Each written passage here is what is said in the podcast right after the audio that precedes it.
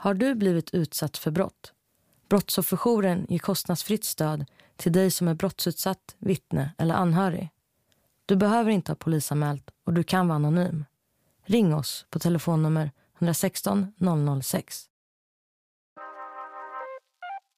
Om du inte som kristen säger att du hatar islam så är inte du kristen. Mm. Och eftersom jag tvärtom säger att det är självklart i vår värld att vi måste söka dialog också med människor som, som har en annan tro eh, så irritera det naturligtvis. Men det kommer jag hålla, hålla fast vid. För mig är det väldigt enkel, enkel matematik egentligen.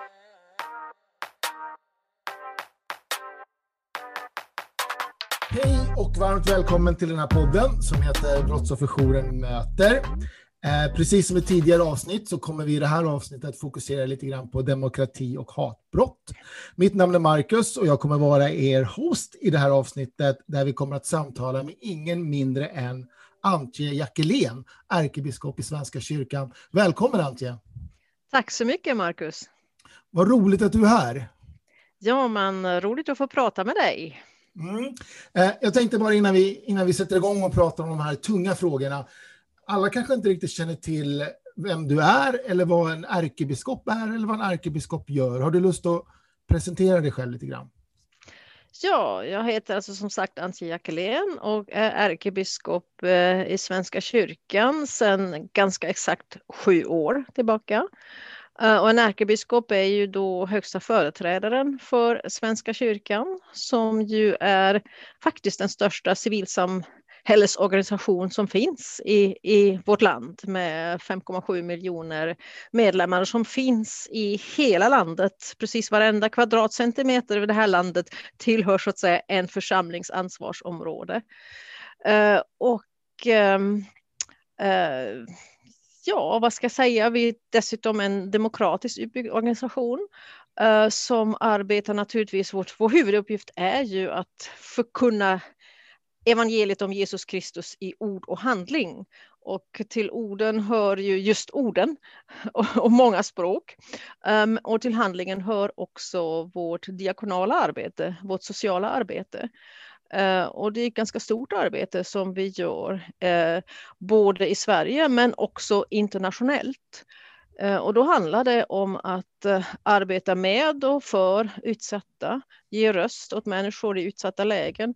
Och där kommer ju också i, i vårt arbete, både genom det diakonala och genom den omvärldsanalys som vi jämt och ständigt gör, så kommer ju också vårt, vårt eh, engagemang för det demokratiska samhället in. Mm. Jag tänkte vi skulle prata lite grann om det här med demokratibrott. Och alla, alla våra lyssnare kanske inte känner till vad demokratibrott är.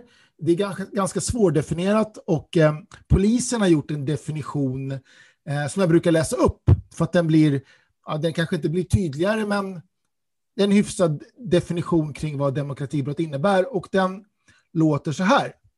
Polisen definierar ett demokratibrott som ett brott som hotar någons grundlagsskyddade rätt att utöva sin yttrande, informations, mötes, demonstrations, förenings och religionsfrihet. Eh, och här brukar jag någonstans släppa in våran gäst och det, det ska jag göra och jag tänker att vi ska gå rakt på sak. Eh, jag ska bara berätta lite grann att min, min bild av dig är att du är väldigt Eh, du, du har väldigt mycket skinn på näsan, du vågar stå för dina åsikter och värderingar. Men framförallt så tycker jag att du är en väldigt tillgänglig ärkebiskop. Eh, du finns där ute och du är inte så svår att få tag på. Men för en tid sedan så valde du att lämna en större social plattform. Varför då? Ja, det är ju Twitter du talar om. Ja. Och eh, jag har inte lämnat i och för sig, utan jag eh, skrev att jag tar en paus på Twitter. Och det gjorde jag efter ja, nästan tio år av, av eh, närvaro på Twitter. Och jag uppskattar Twitter, just det, det du sa, jag är glad att du sa tillgänglig, att vara tillgänglig. Jag har uppskattat att Twitter, Twitter är en plattform där det går i princip att tala med var som helst. Och i början tyckte jag också det var ett meningsfullt kommunikationsinstrument, att det gick att ha utbyten. Det var, jag tyckte man fick en kick av att kunna säga något meningsfullt med 140 tecken som det var ju i början innan det blev 280.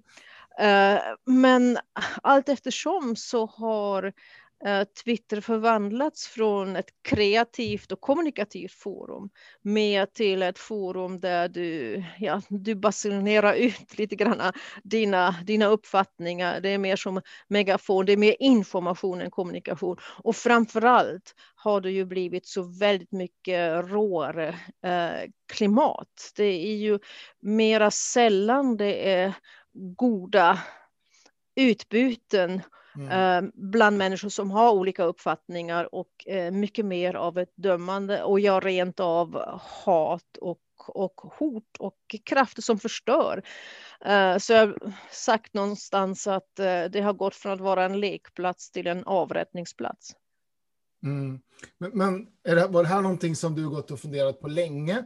Eller var det liksom ett beslut som du fattade över dagen. Var det ett svårt beslut att fatta och hur ser det ut på dina andra eh, sociala plattformar? Mm, jag finns ju på uh, Facebook, dock inte, det är mer en, en, en Facebook-sida som mina medarbetare sköter, den sköter inte jag själv. Och sen har jag själv ett Instagram-konto också och det, det har jag ju kvar. Uh, det är klart att det var på ett sätt ett svårt beslut därför att uh, ja, men det känns ju som att jag stympat mig själv lite grann. Jag har ju Eh, just nu inte tillgång till den viktiga kanalen som jag ändå tycker Twitter är. Så, så det känner jag av. Samtidigt var det inte ett beslut som bara kom sådär, eh, eh, utan jag hade tänkt på det länge.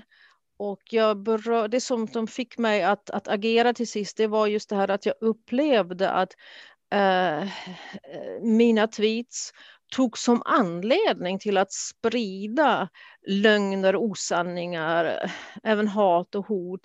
Eh, inte bara om mig utan om tron, kristen tro som sådan, eh, om kyrkan, men också om samhället. Och, och då motverkade ju sig själv. Det blev ett dilemma för mig, problem. Jag visste inte hur jag skulle kunna lösa det och jag reagerade också på att människor sa Ja, det är fruktansvärt att det är så mycket, så mycket hat och eh, dumheter och, och osanningar i ditt Twitterflöde. Eh, jag vill bara, till exempel jag, hade, jag twittrade varje helg, varje lördag kväll och söndag morgon ett så kallat söndagsord som då var en liten tanke om den söndagen. Varje söndag har ju så att säga ett tema. Och det kunde vara en bön, ett bibelord eller just en, en tanke. Eh, och även det framkallade så att säga påhopp som andra människor berördes illa av. De ville läsa den här bönen och inte vada genom den här, eh, de här otrevligheterna och så. Så att eh, det var egentligen det som bidrog till att jag sa nej men nu, nu, nu är det dags, jag, jag måste ta en paus. Mm. För mig låter det lite som ett det låter lite som ett misslyckande här någonstans, liksom att, att våran, om jag får säga spontant så tycker jag det låter lite som ett misslyckande att våran ärkebiskop känner att, att klimatet på nätet har blivit så allvarligt. Men om det är ett misslyckande, var, var ligger då det här misslyckandet? Ligger det i, i den rådande samhälls, eh, samhällsklimatet? Ligger, ligger misslyckandet i till exempel Svenska kyrkans beredskapskraft? Eller är det så att tålamodet hos enskilda, då, till exempel du, börjar tryta? Vad, mm. vad, vad, vad, skulle du säga? Ja, men när jag talar, börjar med mig själv, jag har ju ändå eh, i en jag har ju fördelarna om man säger så att jag har eh, goda stabila medarbetare omkring mig så jag är ju på det viset inte ensam i det här. Eh, jag tänker det måste vara mycket, mycket värre på, för människor som, som står ensamma i det här. Eh, så jag har ju stått pall ändå, tycker jag, ganska länge mot många drev och så. Just också med tanke på det stöd, eller på grund av det stödet som jag haft. Samtidigt är vi alla människor av kött och blod. Och eh, man kan ju jämföra de här ständiga dreven som för kommer oftare och oftare och oftare med att det är liksom en skur av giftpilar som skjuts mot dig. Och eh, många träffar eh, ja, men ganska djupt. Och det kan vara liksom små portioner av gift, säga, äh, strunt i det, tänk inte på det. Men någonstans fastnar det ändå i din organism och det är precis som små, små doser av gift, det tar ändå, ändå energi från din organism att bli av med det igen. Så eh, någonstans behöver eh, du också fråga dig då, vad ska jag lägga min energi på? Vad är värt att slita ut sig på? Så att säga. Mm. Och, och det här eh, tyckte jag i alla fall jag behövde en paus från att slita ut mig uh, på det. Mm. Och sen är det ju ett, ett nederlag egentligen. För, jag för det goda samtalet och därmed också för alla som, som för det goda samtalet.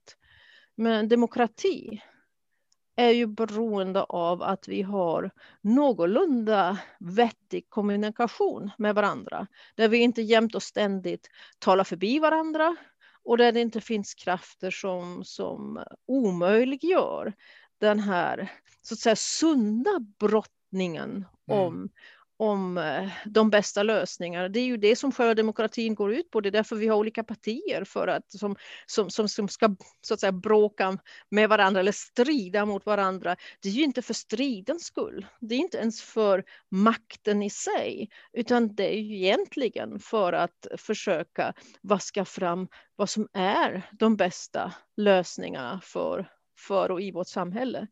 Och när det undermineras Eh, då är det ju allvarligt. Mm. Men, men, jag tänker att demokratin är väldigt beroende av att vi, att vi står upp för den. Det, det, den är helt beroende av att, att vi lever den, att vi står upp för den och vi är, värda, vi, vi, vi är villiga att, att ta strid för den. Men jag tänker liksom, när en person som du väljer att lämna, eh, till exempel just den här plattformen, jag tänker på signalvärdet i det och, och det här uttrycket att problemet är inte de onda människornas ondska utan de goda människornas tystnad.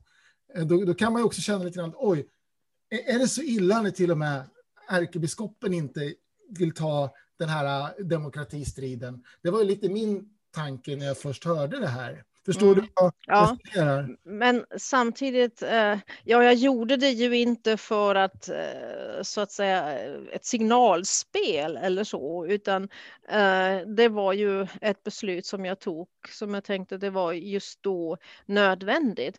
Och i sig var det ju också ett statement med den här, den här tweeten eh, som jag la ut då om Twitterpausen. Det är den tweet som eh, av alla mina tweets tror jag som har eh, haft mest räckvidd, längst räckvidd och eh, flest reaktioner. Eh, och det har ju också fört till lite debatt och eh, det är ju bra. Inte för min skull utan just för, för samtalets skull. Alltså, men vad är det som händer? Eh, när människor tystas på det viset. Och det finns ju också en aspekt i detta, vi vet ju det av olika studier, att eh, kvinnor är mer utsatta än män för detta och eh, det är, enligt vad jag kan se så är det också män som är majoriteten bland dem som, som trakasserar och mm. Skickar sådana här hatiska tweets eller ja, sprider den här osanningar och så. Mm. Och också, um, det är också intressant sen att, att det blir i nästa runda så finns det då de som säger ja men lite kritik får man väl tåla. Uh, och det tänker jag också någon som det drabbar den som säger ifrån och det drabbar framför allt kvinnor som då har en offentlig position av inflytande att liksom, ja men om de ger sig in i leken så får de väl minsann leken tåla och, och det är ett sätt att, uh, att undgå kritik. Men man, mm. det är ändå uh, relativt lätt att skilja mellan det som är kritik och mellan det som är rena påhopp och, och, och hatiska tillmälen och rena övergrepp. Mm. Kritik ska man alltid lyssna på och alltid fråga vad kan jag lära mig av det här? Men det är svårt, det, det går inte att lära sig någonting av, av uh, rena påhopp och övergrepp. Men, men Annat än att man behöver skydda sig. Det här samtalsklimatet vi pratar om, i, i, dels det, konsekvenserna av det som har drabbat dig, men också samtalsklimatet och tonen i stort i, i det svenska samhället. Uh, varför tror du att det ser ut som det gör och, och vad kan vi göra åt det? Och vem ska göra någonting åt det? Ja. Jag läste eh, alldeles nyss en bok som är nyutkommen på Norstedt som heter Du blir vad du säger om hatspråk, yttrandefrihet och vikten av ett demokratiskt samtal. Och den rekommenderar jag gärna för det är eh, författare från olika delar av världen som ger perspektiv på detta. Och eh, man kan egentligen inte komma fram till något annat än att vi har en sorts hatspråkspandemi som har drabbat världen och som hotar demokratins framtid. Eh, det offentliga samtalet liksom kortsluts av hatstormar och eh, det fria ordet begränsas ju när många då väljer tystnad för att inte själv bli, bli utsatta. Och hatspråk är också ett, eh, en attack på fantasin och på kreativiteten. Och det är den vi behöver för att utveckla oss själva, varandra, samhället, världen vidare. Uh, och uh, det, jag tror det är Ola Larsmo i boken som, som pekar på att uh, det är ett dubbelt hot egentligen. För följderna är å ena sidan självcensur. Mm. Um, att man inte vågar säga. Men å andra sidan också då krav på att begränsa yttrandefriheten. Och det är ju heller inte bra. Uh, så det är ett dubbelt hot. Uh, å ena sidan självcensur och å andra sidan ett hot mot, mot yttrandefriheten. Och, och, det leder mig till att säga att, att som med alla andra friheter så, så, så går de ju hand i hand med att vi förvaltar dem på ett mm. ansvarsfullt sätt. Och, och jag tänker att vi behöver tala om hur yttrandefriheten uh, förvaltas på ett ansvarsfullt sätt. Mm. Men jag tänkte lite på det du sa det här med hur mycket man ska behöva tåla. Att, att lite får man tåla och framförallt som offentlig person så ska man då tåla, tåla lite mer. Men hur har du själv tacklat de här hoten och, och hatet? Och är det begränsat till enbart Twitter eller känner du att det också har eh, påverkat dig i det, i det, i det vanliga livet? Liksom? Eh, på 90-talet fick man mycket hotbrev och skickat fysiska brev. Hur, hur ser det ut idag? Eh, mm. Har det hänt att du vaknat upp med en klump i magen när du ska gå till jobbet? Ja, eh, det är klart att det har hänt att jag, vad, vad möter mig nu när jag går in på sociala medier och så. Um, det gör det, samtidigt som, som det är rätt eh, som offentlig person så behöver man tåla lite, lite mer. Uh, och eh, uh, hatbrev, ha, nog alltid funnits. Skillnaden är ju när, när vi inte hade sociala medier så, så krävdes det ändå att man kanske skrev ner det, vek ihop det, stoppade i ett kuvert, skrev adress och frimärke och bar iväg till en brevlåda. Och då kanske tänktes det efter lite mer. Jag menar, i, impulsivt kan vi ju alla säga och skriva saker som vi dagen efter kanske tänker att nej men det var inte så klokt att jag kan formulera det annorlunda för att få fram min poäng faktiskt lite bättre. Uh, och, och, kunna skilja lite bättre på sak och person i det här också. Så. Um, så sociala medier är mer direkt, det är mer offentligt och det går inte att ta bort på samma sätt. Eh, det går inte att radera så där enkelt. Eh, och, det som bekymrar mig är ju att eh, det här hårda klimatet gör att vi kanske dränerar det offentliga på goda krafter. För kloka människor är ju inte alltid de tuffaste, Nej. utan kloka människor är många gånger också ganska sensibla och känsliga människor och därför så kloka. Eh, men hur ska, hur ska vi, så att säga, den sortens människor, hur, ska de kunna faktiskt bidra till demokratin och på, på, ta på sig uh, förtroendeuppdrag? Uh, så vad går vi miste om som samhälle? Vilka goda krafter går vi miste om? Jag tänker på unga människor som kanske väljer bort uh, förtroendeuppdrag som de skulle kunna, om de tog dem, förvalta verkligen till, till mångas, mångas glädje och nytta. Mm. Eh, jag, jag tänker lite grann på så här att ibland finns det ju frågor, när, vi, när jag har pratat med andra människor så brukar de säga att det finns vissa eh, triggerfrågor. Att tar jag upp den här frågan, då kan jag räkna med eventuell drev. Och den här typen av frågor brukar leda till det här och det här. Utifrån din roll, vad, vad känner du? Vilka frågor har varit det som har lett till där du kan känna att nu säger jag det här och jag vet att nu kommer jag åka på värsta drevet? Mm. Ja, en, en kategori är det här att eh, det förväntas avståndstaganden från vissa saker. Och kommer inte ett avståndstagande inom några timmar, då tas det som tecken på att du gillar det som har skett. Vilket är ju helt absurt och barockt. Det är klart vi alla mot våld. Eh, men vissa våldsdåd, om inte då ärkebiskopen kommer och, och fördömer dem inom ett par timmar, då är det nästan ett gillande. Och det är ofta parat med uh, det här uh, att man uh, vill göra front mot islam. Det är väldigt tydligt när det är islamistiska extremister som har begått ett våldsdåd, då är det väldigt viktigt. Men om, om 60 flickor eh, livet i ett bombattentat eh, i Afghanistan eller någon annanstans i världen, då är det inte lika viktigt. Eh, så det blir en ganska konstig situation. Och mycket är just kopplat till till uh, islam. Jag menar, det är mm. självklart att, att uh, alla goda krafter tar avstånd från extremism och våld i, ja, i alla ideologiers namn egentligen, men särskilt då i, i religionens namn.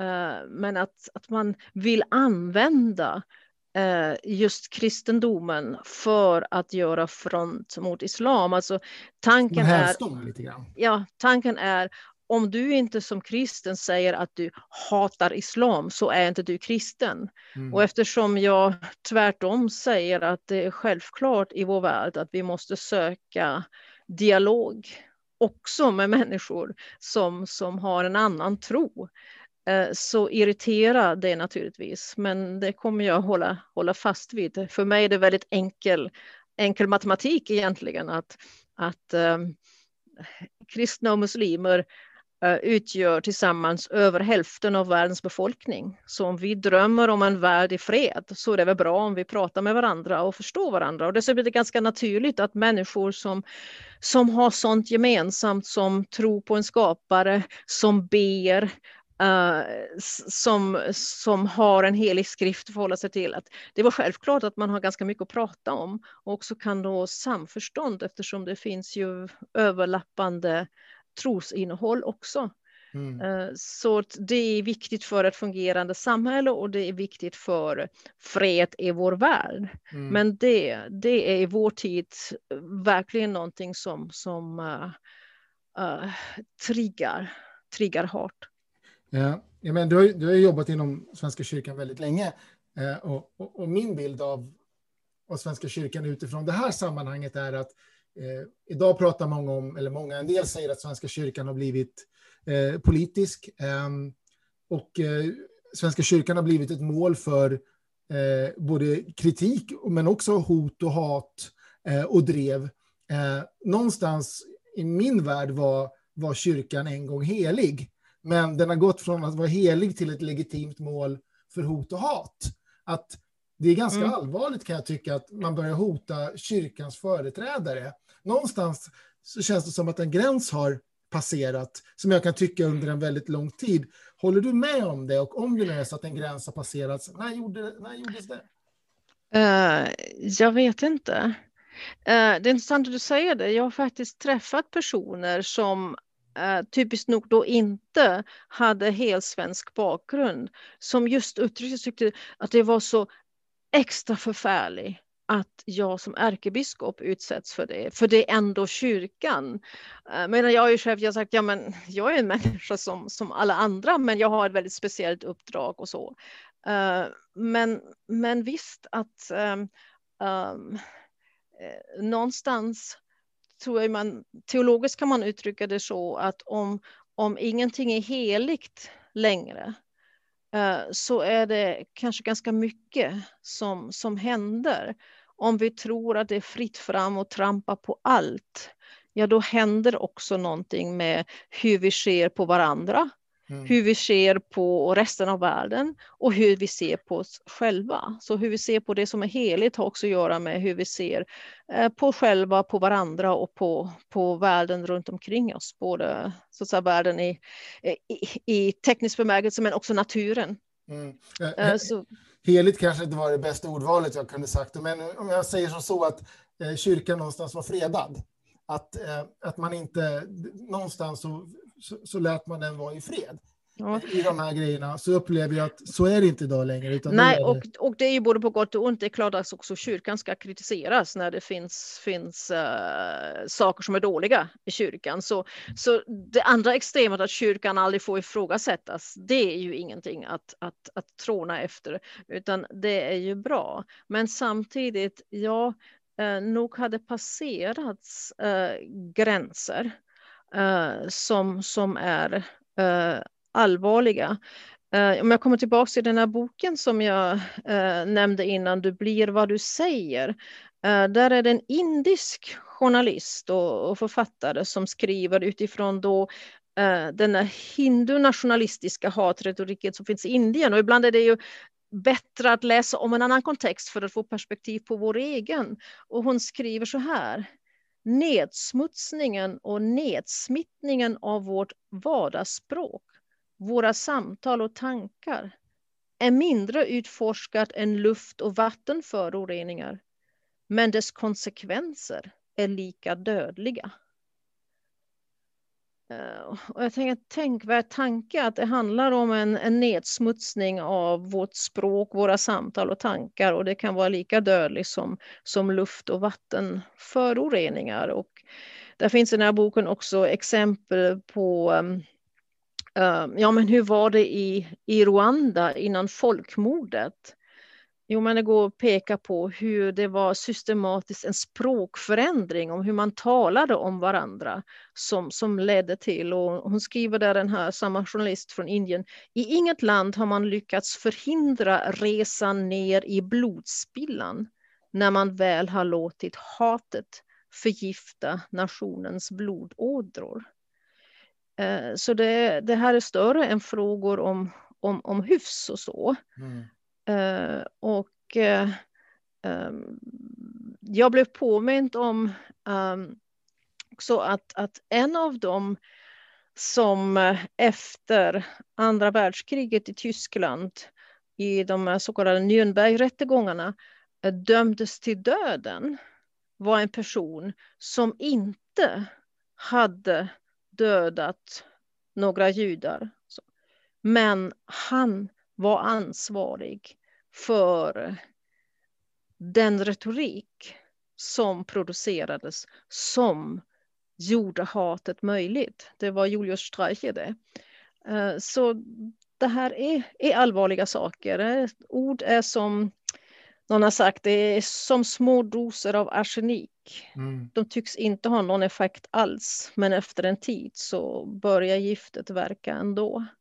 Men, men vi behöver ju inte hålla med varandra i det goda samtalet, men om man ändå pratar om det, det hyfsade samtalet, samtalet där vi respekterar varandra trots våra olikheter, kommer vi få tillbaka det tror du? För det känns inte som att vi är där längre, att det har passerats någonstans. Tror du att vi kan, tror att vi kan komma tillbaka till den eh, till den tiden där vi börjar se varandras olikheter och respektera dem utan att eh, förpesta varandra med, med hot och hat?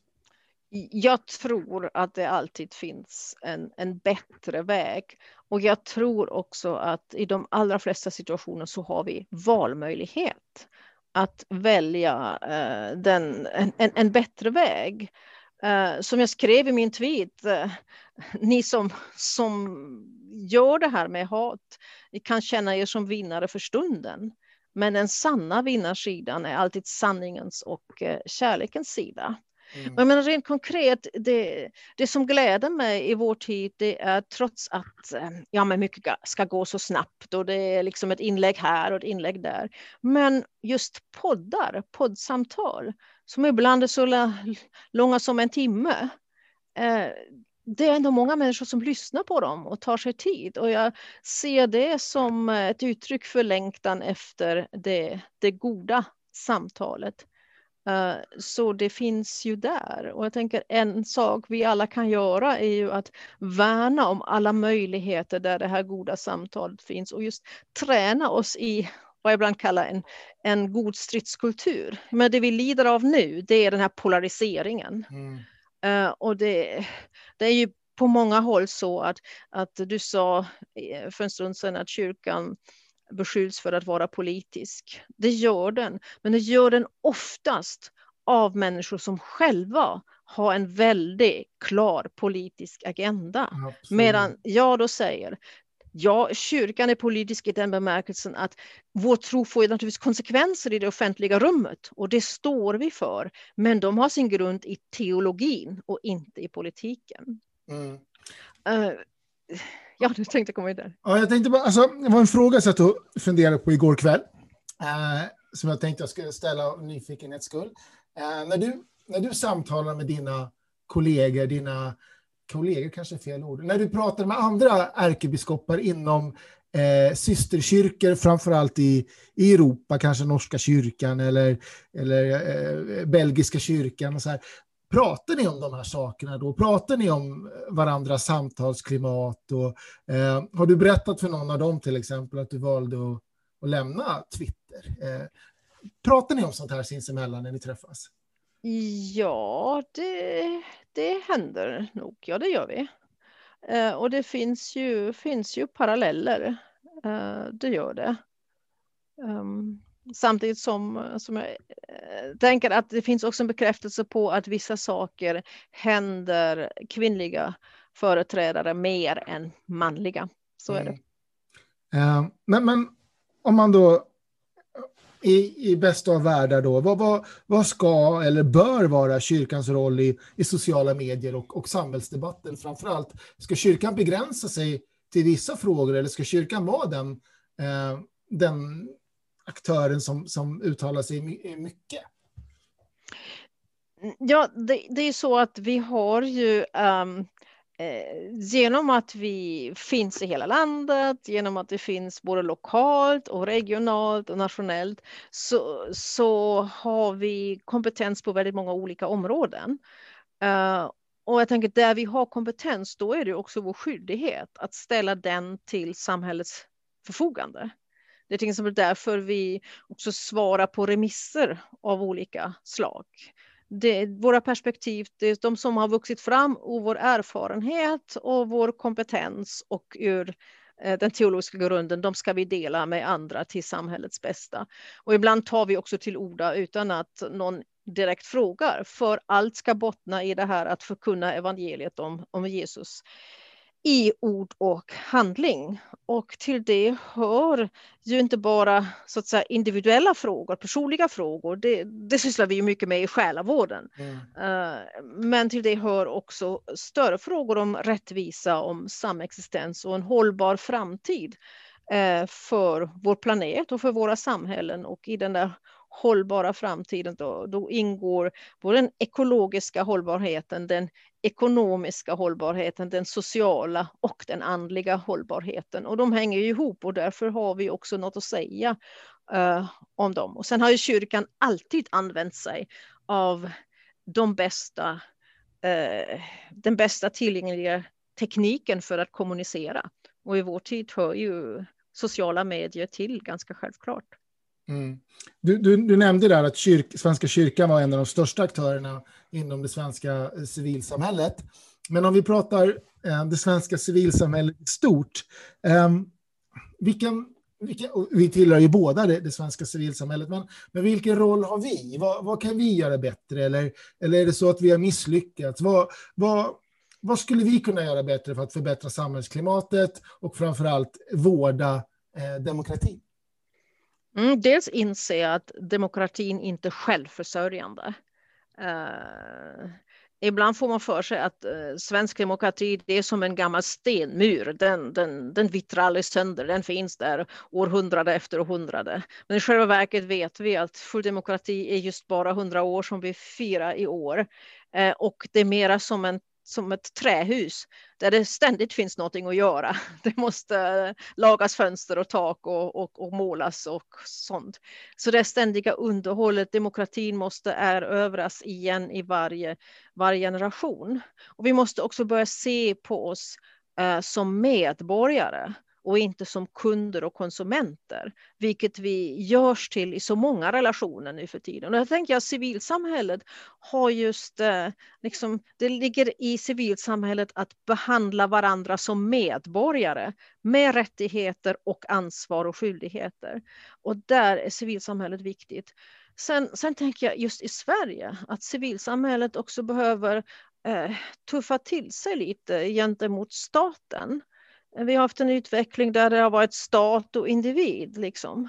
Men i, i andra samhällen, och jag tror framförallt i samhällen som har erfarenhet av verklig kris och erfarenhet av att staten faktiskt kan bli ont. Och där. där har civilsamhället en, en, en större roll som faktiskt statens partner. Medan vi hos oss, det är lite så att civilsamhället är till för underhållning och fritid snarare än en, en reell partner till, till staten. Och där tänker jag pandemin har ändå visat hur viktigt civilsamhället är. Att staten och individen, det räcker inte, utan det behövs också civilsamhället. Och det skulle vara min önskan att vi som en lärdom av pandemin tar med oss detta att värnar om civilsamhället som partner till staten och som ett forum där medborgare får leva just sitt medborgarskap mm. Eh, och inte vara bara kunder och konsumenter. Mm, jag förstår. Ehm, jag tänker lite grann på, på det här med framtiden. Eh, du sa att du tagit en liten paus från Twitter, eh, men tror du vi kommer att, tror vi kommer att se dig där igen någon gång? Ja, det är inte alls omöjligt. Mm.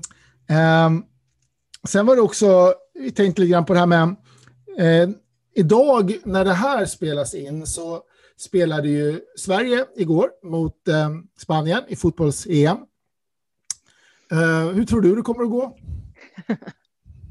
ja, jag brukar säga i sådana sammanhang, jag hoppas alltid att det är bästa laget som vinner. Mm. Jag förstår. Eh, vi får se om det blir Sverige i år. Eh, sen, vi bara lite så här, som jag tänker spontant, att vad, vad skulle du säga om, om, du fick, om du fick skära ner lite grann till vad som måste till? Vad måste till snabbt och enkelt för att få tillbaka det goda samtalet och framförallt den goda tonen? Eh, vad, vad skulle du säga är det ultimata receptet om du fick som du ville? Jag tror inte det finns uh, quick fix eller en, ett trick som, som uh, fixar allt. Utan det, det kräver nog mångas ansträngningar. Eh, just allas medvetenhet om hur viktigt det goda sam eh, samtalet och då menar jag verkligen med goda samtal, inte bara samtal där vi är överens utan också det samtal där vi kan på djup, gå på djupet med varför vi tänker olika och mm. vad vi kan lära oss av våra olika positioner och att kanske sanningen ligger mellan oss, att ingen av oss har helt rätt och så där. Det samtalet och det behöver vi alla ta ett ansvar för och också Eh, föra vidare den konsten till, till eh, nya generationer. För det är ju ändå det är en konst och konst är någonting som är vackert och viktigt. Mm. Eh, om vi säger att när, när det ser ut som det gör idag och vi skulle säga att eh, den efterträdaren som kommer efter dig, eh, vad skulle du ge för bästa tips utifrån den erfarenheten du har fått under de här åren, eh, utifrån hot och hat. Vad skulle vara dina tips till din efterträdare? Ja. Finns det någonting du skulle säga, gör inte så här eller säg inte det här bara? Nej, men var frimodig. Um, och uh, odla ett friskt gudsförtroende, sunt självförtroende och en, en god medarbetare uh, skara runt omkring dig. Um, är, du, är du osäker, tveksam, bolla mm. med någon.